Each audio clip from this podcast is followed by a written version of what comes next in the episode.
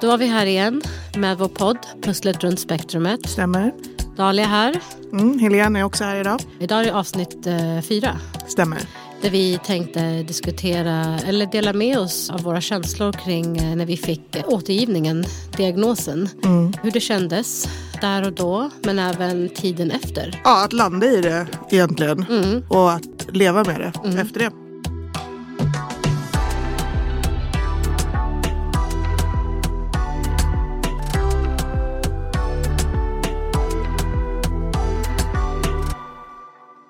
Jag kommer ihåg att vi fick ju våran diagnos. Återgivningen var ju då 8 februari 14.30. Och jag kommer ihåg att den morgonen gick, jag tog ledigt från jobbet. För jag kände att jag skulle inte klara av att vara på jobbet och bara ha det här hängandes över huvudet. Så att eh, jag lämnade barnen och jag var så nervös Helene. Jag var så nervös. Jag kan tänka mig. Jag lämnade dem förskolan och då sa att en av pedagogerna, jag bara, men idag kommer vi få återgivningen. Hon bara, "Åh, återgiva, vad heter utredningen? Jag bara, ah. Hon bara, det kommer gå superbra Dahlia. Och jag var så här, alltså jag vet inte. Hon bara, vad är du nervös över? Jag bara, jag vet inte. Men jag tror, jag tror att jag var nervös över att vi inte skulle få en diagnos. Det var liksom det jag var mest nervös över. För då skulle det bli så här, aha, men vad ska vi göra nu då? Var, nu, nu vet jag inte vad jag ska göra. Jag, jag förstår ju verkligen inte min son. Så för mig var det så här, allting hängde på att få en diagnos. Lämnade barnen, gick hem eh, och så gick jag ut supertidigt. Var där tror jag kvart över två. Satt inne i väntrummet, eh, observerade allt och allting omkring mig och väntade bara på att hon skulle ropa upp mig. Och så kommer läkaren ut och eh, ropar in mig. Och det här är läkaren som liksom har haft hand om hela utredningen. Ropar upp mig, följer efter och sen på vägen in till rummet så säger hon är det okej att vi har en psykologstudent med oss? Och jag bara, men det är helt okej. Hon psykologen som var med på själva utredningen, hon var sjuk den dagen. Så då var det bara läkaren och så den här studenten. Jag kommer in, sätter mig ner, jättenervös. Och hon pratar med mig och berättar. Jag, om jag ska helt jag kommer inte ihåg vad hon sa. Jag väntar bara på att få diagnosen. Och allt jag hör är att hon till slut säger men vi ska inte prata för mycket, vi går igenom informationen sen efter. Jag ska bara säga direkt här och nu vad han har för diagnos för jag vet att ni föräldrar är oftast, det är bara det ni vill veta, ni sitter och tänker på det. Och i mitt huvud jag bara, ah. och hon bara, ah, men Malik har autism. Vi har gjort en, vi har liksom gjort en utredning på ADHD, lite ADD men riktat in oss liksom på autism och det är det, den diagnosen han har fått. Och sen vart hon tyst och bara, hur känns det? Och jag började gråta. Alltså jag var, alltså jag, det var lättnad, sorg, det var liksom allt på en och samma gång. Och jag kände liksom att okej, nu, har vi- nu har vi fått svar. Vad det är för någonting. Jag visste ju att det kunde vara det. Men nu vet jag ju. Det, alltså det är det det är. Och eh, Är det inte att man hoppas på en diagnos Men men, man man, men man hoppas fortfarande inte på en diagnos? Exakt, exakt. Och det är nog det det var. Att jag ville ha en diagnos. Men samtidigt, det du säger. Man vill inte ha en diagnos. Nej. Men om man inte får en diagnos. Då är det ju så här. Varför förstår jag inte mitt barn? Varför händer det så mycket konflikter? Varför... Då blir det här, what to do now liksom. Ja men i alla fall, då fick vi det och sen berättade hon om all information efter det. Och vad vi ska göra och så vidare och så vidare. Men för mig tog det stopp där. Det var liksom, allt jag hörde var han har autism. Och jag, det enda jag väntade på var att få lämna rummet så att jag kunde liksom informera Carlos och min familj och så vidare. Så att jag lämnade rummet och smsade Carlos på en gång och bara "Ah, We've got the diagnosis, he's got autism. I'll call you back later to give you more details. Eh, och han bara okej. Han skrev bara okej. Carlos är väl, till skillnad från mig, jag, du vet ju hur jag är. Jag är så här väldigt stressig person. Han är lite mer laid back. Så att han var så här, okej. Och sen smsade jag familjen, för vi har en WhatsApp-grupp. Mina föräldrar, min storebror och mina två systrar. Och min bror bor utomlands. Så um, då skrev jag bara, Malik har, vi har precis fått diagnosen autism. Min bror var den första som skrev, det kommer att gå bra, eh, det här kommer bli jättebra. Vi ska alla liksom nu lära oss om det här. Och min syster skrev att nu får vi faktiskt börja eh, utbilda oss och gå på kurser och, hantera honom på ett helt annat sätt. Och mina föräldrar sa men det kommer bli bra. Det var liksom bara så stöttande. Men jag vet att vi alla, i och med att min familj, vi är så himla, vi har så nära kontakt. Så att mina barn, mina syskonbarn, det är deras barn. Så nära. Och jag är liksom den yngsta i hela familjen. Och det är liksom tio års skillnad mellan mig och min 11 års skillnad, så tio år och fem. Så jag är the baby, verkligen in the family. Så för dem var det så här, vår lilla syster kommer få gå igenom någonting nu som är skitjobbigt. Ehm, nu ska vi stötta varandra som familj, vi ska vara där för varandra. We're in this together. Och det var så jobbigt för mig när jag gick och promenerade tillbaka och smsade och svarade till dem. Och bara, ja, Ja, de känslorna är inte lätta Dahlia. nej. Och vi gick ju igenom som sagt liknande. Jag och Najim gick ju på utlåtandet ihop, BUP Solna. Och det var i maj, jag kommer inte ihåg exakt datum nu. Men vi satt där i väntrummet och det var väldigt så här. Vi pratade inte så mycket om det. Vi gick väl dit med tunga steg också. För att det är ju så här. Man vill ju veta men man vill inte veta. För man vet att om man får veta så kommer allting förändras. Och vi gick in då i det här rummet med psykologen och jag kommer inte heller ihåg exakt vad som liksom sades. Men det jag kommer ihåg var att det gick väldigt snabbt till att vi fick eh, utlåtandet om att Nathan har autism. Och han hade ju mer tydliga tecken än Malik. Så det var mer fokus på autismspektrumet än vad det var på andra diagnoser.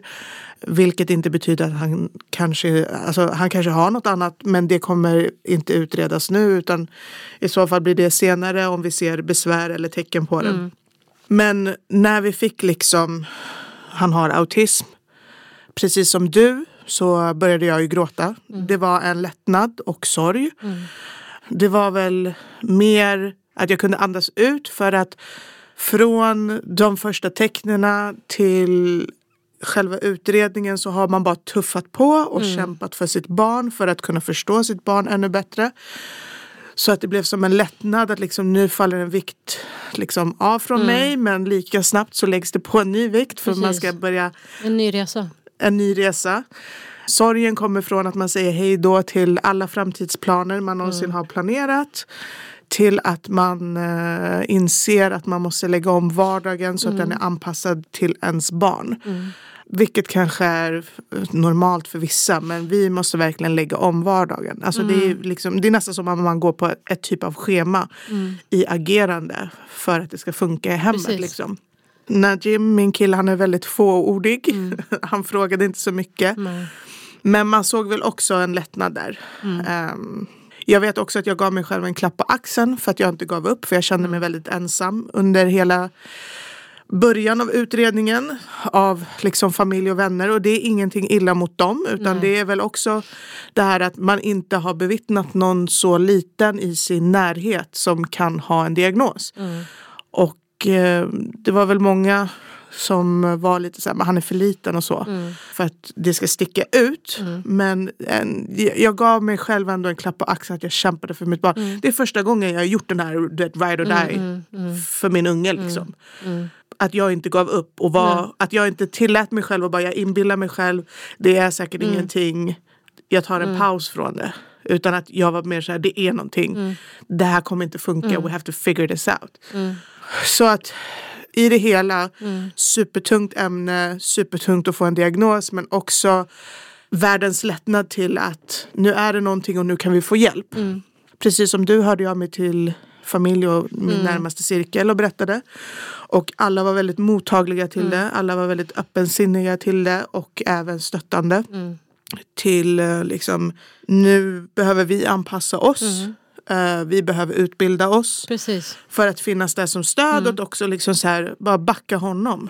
Vilket jag är otroligt tacksam för. För att det finns ju tyvärr de också som blundar för sådana här situationer, blundar för diagnoser. ehm, kanske skäms. Så jag är otroligt tacksam för liksom min, min familj, både blod och våld. Och hela det här It takes a village. Alltså, Vi ser ju själv hur viktig familjen är. Och, Alltså det skulle inte funkat. Nej. Jag kan säga så här, det skulle inte funka. Man kan inte göra det här själv. nej. Och därför har jag stor respekt till sådana som kanske är, om man är ensamstående. Jag tänkte säga all Ja. eloge om du gör den här resan själv. Absolut. All eloge till Ja. dig och ditt föräldraskap. Utöver det här, liksom alla känslor och sånt i det här samtalet så nämner ju psykologen massa andra grejer man ska komma ihåg och ta Mm. sig an. Och det är ju liksom anmäl dig till Autismcentret för små barn, eh, omvårdnadsbidrag via Försäkringskassan. Du vet, allt sånt som, det blev liksom så här, Tyckte inte du att det blev för mycket på för kort tid? Att det blev så Jo, här, men du fick ju med dig en massa Blanketter, blanketter då hon information. gick igenom väldigt snabbt. Men jag tog emot allting. Men jag var så här, uh, I will deal with this later. Ja. För att just nu det viktigaste för mig är, nu har jag fått en diagnos på min son.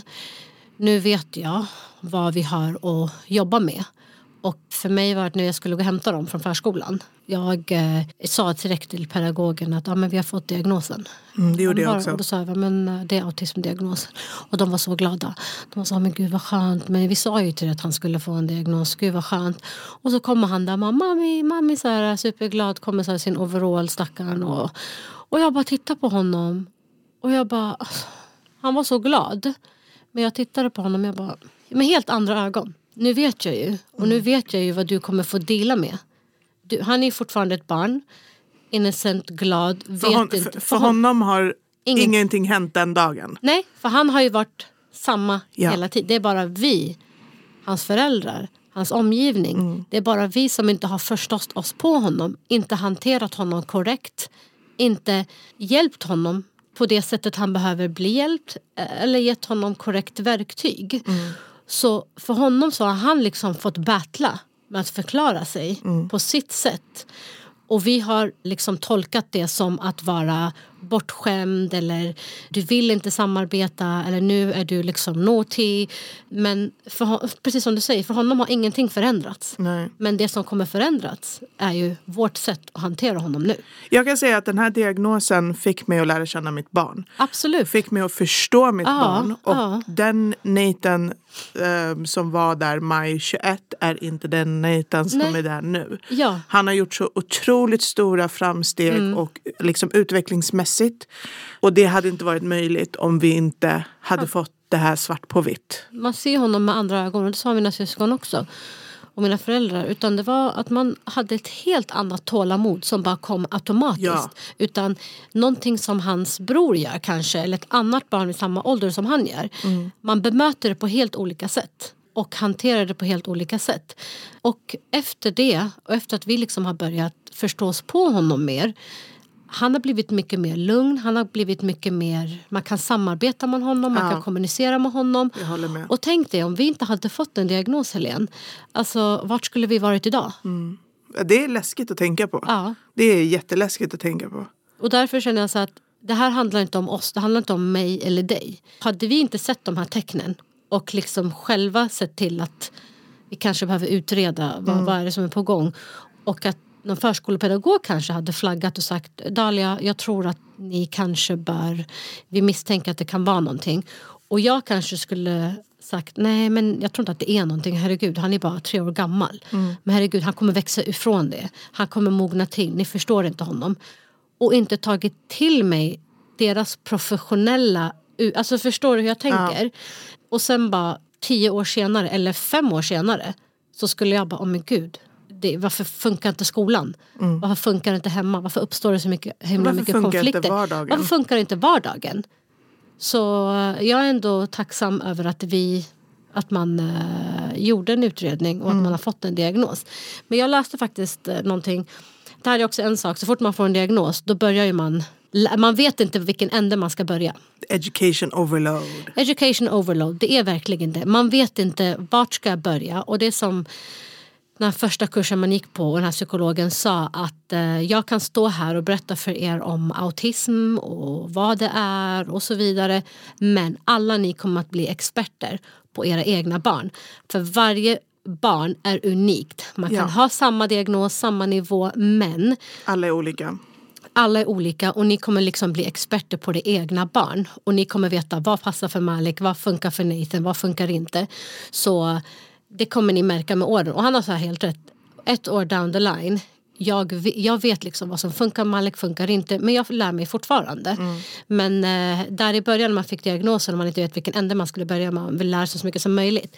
Jag läste det här på en av de här kontona jag följer.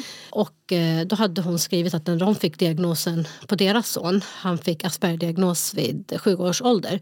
Och det här kunde jag liksom relatera till 100 procent. Eh, då skrev hon att när vår son fick Asperger-diagnosen då bestämde jag mig för att jag skulle lära mig allt som var möjligt för att förstå och för att skapa de bästa förutsättningarna för honom. Jag köpte böcker, googlade, pratade med så många jag kunde för att lära mig. Och det har bara fortsatt. Jag kände att med kunskap skulle jag kunna ta mig an det jag och maken fått tilldelat oss i livet. Barn med NPF-utmaningar. Både jag och min man uppskattade att vi fick en diagnos på våra barn för att bättre förstå att det var svårigheter som ställde till det ibland. Inte illvilja eller dålig uppfostran från oss. Och det där känner jag verkligen. Alltså, allt det här kan jag hålla med till 100 procent. För att man vill bara lära sig så mycket som möjligt. Och det här, det här tyckte jag var så fint att som skrev kunna ta mig an det jag och maken fått tilldelat oss i livet. Barn med NPF-utmaningar. Men det är det här att innan så trodde man att det är en illvilja eller dålig uppfostran kunde folk tro när ungen liksom får en meltdown mitt ute bland folk. Och man kan inte förklara och säga nej men det är om man själv inte vet varför. Varför reagerar han och beter sig på det här viset? Varför gör han så? Men nu vet ju man vad det är. Det som imponerade mig väldigt mycket eh, kring att få en diagnos var allas vilja till att utbilda sig. Du menar din omgivning? Omgivning. Alltså allt från mina föräldrar och liksom självklart min syster och hennes familj och mina vänner. Men bara, och min kille. Vi ska inte glömma honom. Men att man är så öppensinnad till att jag behöver lära mig nya kunskaper för att kunna göra honom bekväm. Jag behöver plocka upp eh, minimala glimtsar av eh, signaler. Som är för andra barn väldigt tydliga att kommunicera. Men här så kanske det är icke-verbala signaler du måste plocka upp. För att det inte ska bli en meltdown. Och jag tycker Precis. att liksom all, all kärlek till omgivningen och familjen vi har runt oss som backar oss i det här. För att Ja. även om vi är i det så finns stödet där. Även om man inte ber om hjälp för man inte vill så finns ni där. Precis. Och det är otroligt, otroligt viktigt. Att känna att det stödet finns för att vissa dagar är tuffare än andra. Vissa nätter är längre än andra. Eller kortare, det beror på när de vaknar. Eh, vissa dagar är det bara motstånd och vissa dagar är det bara glädje och det flyter på. Varje dag är annorlunda. Och för att man ska mäkta med det själv så behöver man liksom stödet och kärleken från omgivningen. Och det, det tycker jag i alla fall har visats väldigt tydligt. Samma här. Alltså jag, är ändå, jag är så tacksam för eh, mina föräldrar. För, mina, för min familj och mina vänner och eh, för Carlos och hans familj också. Även om de alla befinner sig i London. Även om vissa av dem kände på sig att det var det så väntade man på att det skulle komma en diagnos. Och de också bemöter honom helt annorlunda nu. Och förstår Malik på ett annat sätt och har ett annat tålamod för Malik. Eh, och att de också har försökt liksom utbilda sig och läsa kurser. Visst, alla kurserna här är på svenska som jag går på. Eh, eller onlinekurserna är på svenska. Men jag har liksom kunnat förklara för dem men det här och det här och så har de kunnat läsa på från sitt håll. Men precis som du säger, man ska, vi är tacksamma för att vi har en familj och vår omgivning har varit så stöttande. Och jag tror inte man skulle klarat av det här helt själv. Men en eloge till mig och dig alltså. Ja, Helt seriöst. För att, fucking eh, applåd man. Nej men på riktigt, för jag tror att, du vet när de säger du vet de här dagarna som du pratar om, man har bara liksom kört på utan att, eh, för att om man ger upp, vem finns då där för dem? Så Men brukar jag känna. Och att man försöker förbereda dem och hjälpa dem och Mm. underlätta för dem så mycket som möjligt. För att när man ligger där de där nätterna Helene, när man tänker nu ska han klara sig. Ja, Jag vet. När man bara ligger där och bara Jaha, Ja. hans lillebror kommer kunna flytta ut hemifrån och sådär. Men kommer Malik göra det? Tänk om jag blir sjuk? Och bara... Hur ska han... Alltså, jag vet att han kommer klara sig men det är ändå där. Det är ju den ovissheten vi inte kan liksom kartlägga framför oss, tyvärr. Och eh, som liksom psykologen sa till oss, planera inte framåt utan lev för dagen. Absolut. Och, och gör det bästa ni kan för att han ska ha rätt förutsättningar.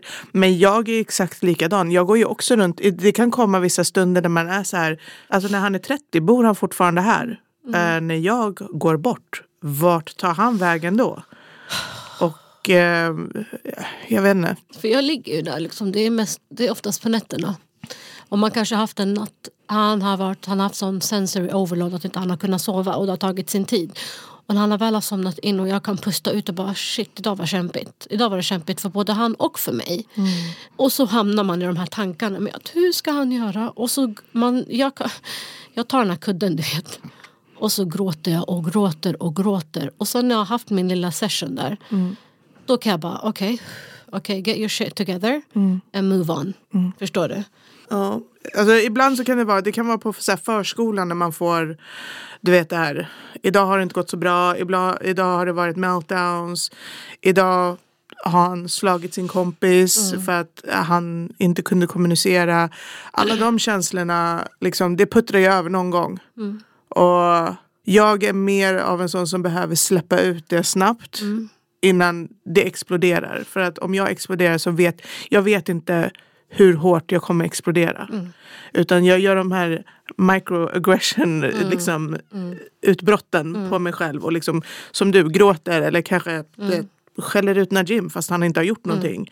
För att jag tycker det är jättejobbigt. Uh, och han tycker ju självklart det är lika jobbigt.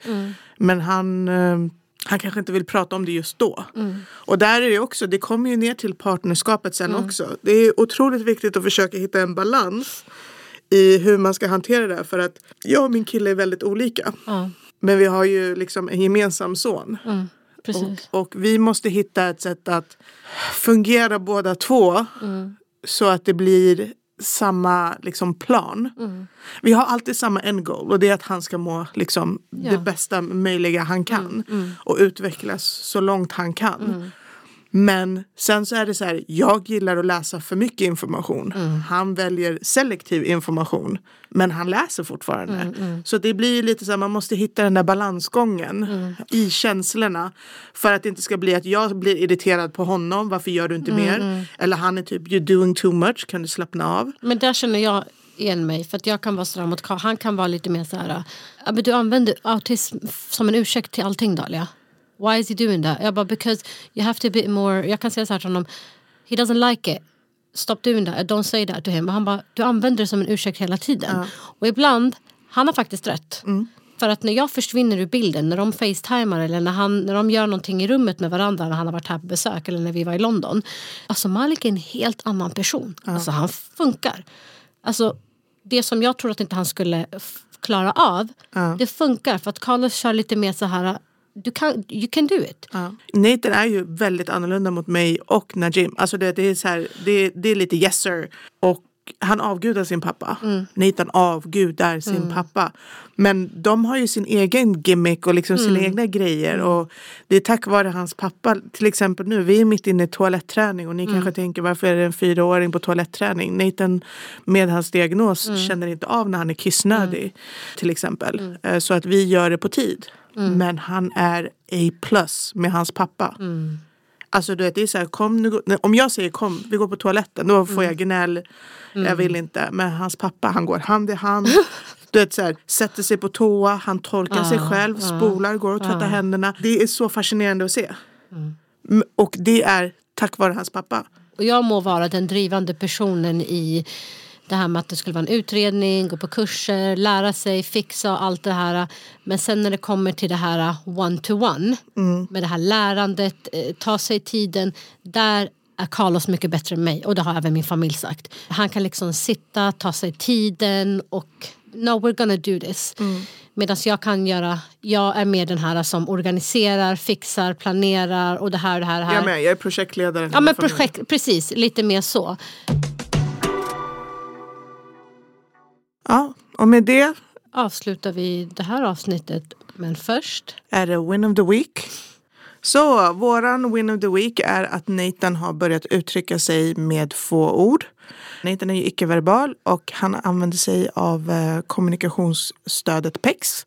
Vilket är ett bildstöd där han visar oss bilder på det han vill ha. Eh, men vi har märkt mer och mer under liksom en längre tid. Men nu har det blivit väldigt tydligt senaste veckan att han säger vissa ord verbalt. Till exempel kissa. Eh, juice, ost, kaka, Dodo, det, det är hans favorit liksom babblar gosedjur. Så det är eh, otroligt stort att se honom vara verbal.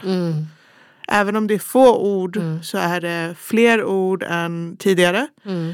Vilket är, eh, det, det är en otroligt lättnad att få höra eh, sitt barn uttrycka sig verbalt kan jag säga. Från någon som inte har haft det. Så ja, det är våra win of the week. Att han blir bättre och bättre på det verbala. det är liksom ett steg åt rätt riktning. absolut. Det är superbra. För oss är det, det Win of the Week är faktiskt till mig och till Malik. Men på riktigt, att vi har liksom tagit oss igenom första terminen på skolan. Det var skitjobbigt i början, men eh, vi har landat. Det har gått superbra. Och vi ser faktiskt fram emot den nya terminen. Mycket ser fram emot, mycket vi ska jobba med. Så att eh, det är faktiskt våran win of the week. Nice. Nej, tufft ämne att eh, blicka tillbaka till. Men ett nödvändigt steg i vår resa. Eh, för det var ju här, tack vare det här beslutet, eller diagnosen, som eh, tog oss till nästa nivå. Men vi är på en helt annan plats idag än vad vi var då. Och har ni lyssnat på oss fram tills det här avsnittet så är vi jätteglada över det. Oerhört tacksamma för den feedbacken vi har fått. För det här har ju inte varit lätt att dela med sig. Men vi är superglada att ni väljer att lyssna på oss och eh, hoppas att ni vill fortsätta lyssna på de kommande avsnitten. Nytt avsnitt nästa vecka. Hej då! Tja!